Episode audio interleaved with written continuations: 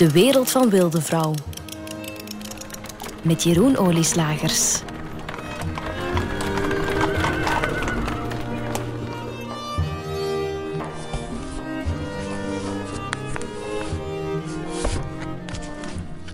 Ik zit hier met een boek voor mijn neus.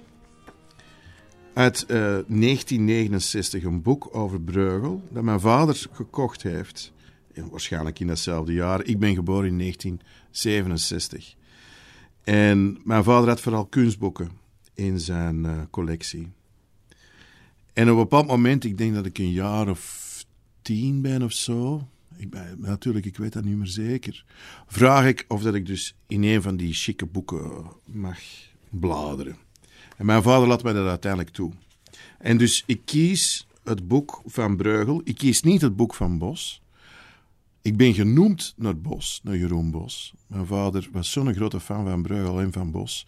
Ik heet Jeroen vanwege Jeroen Bos. Maar ik ga dus naar Breugel. Ik kies Breugel. En ik begin dus in dat boek te bladeren. En ik ben super gefascineerd.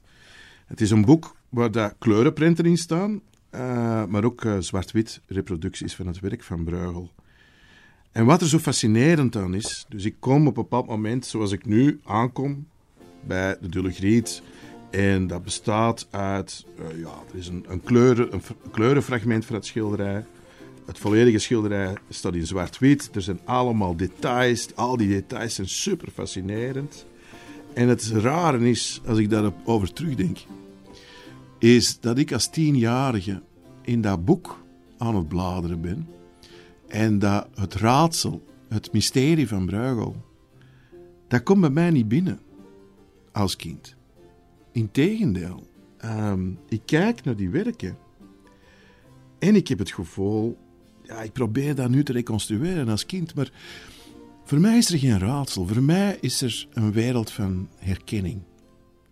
En waar komt die herkenning van? Ik heb geen idee. Heb ik te veel Willy van der Steens gelezen? Heb ik te veel Suske en Whisky gelezen? Ik heb geen idee. Het is gewoon een wereld van herkenning. Dat, dat, dat is de krachtigste herinnering dat ik heb. Mijn, een van de eerste herinneringen die ik heb als ik naar het werk van een kunstenaar kijk. Als kind. Dat er een wereld van herkenning zich aan mij openbaart.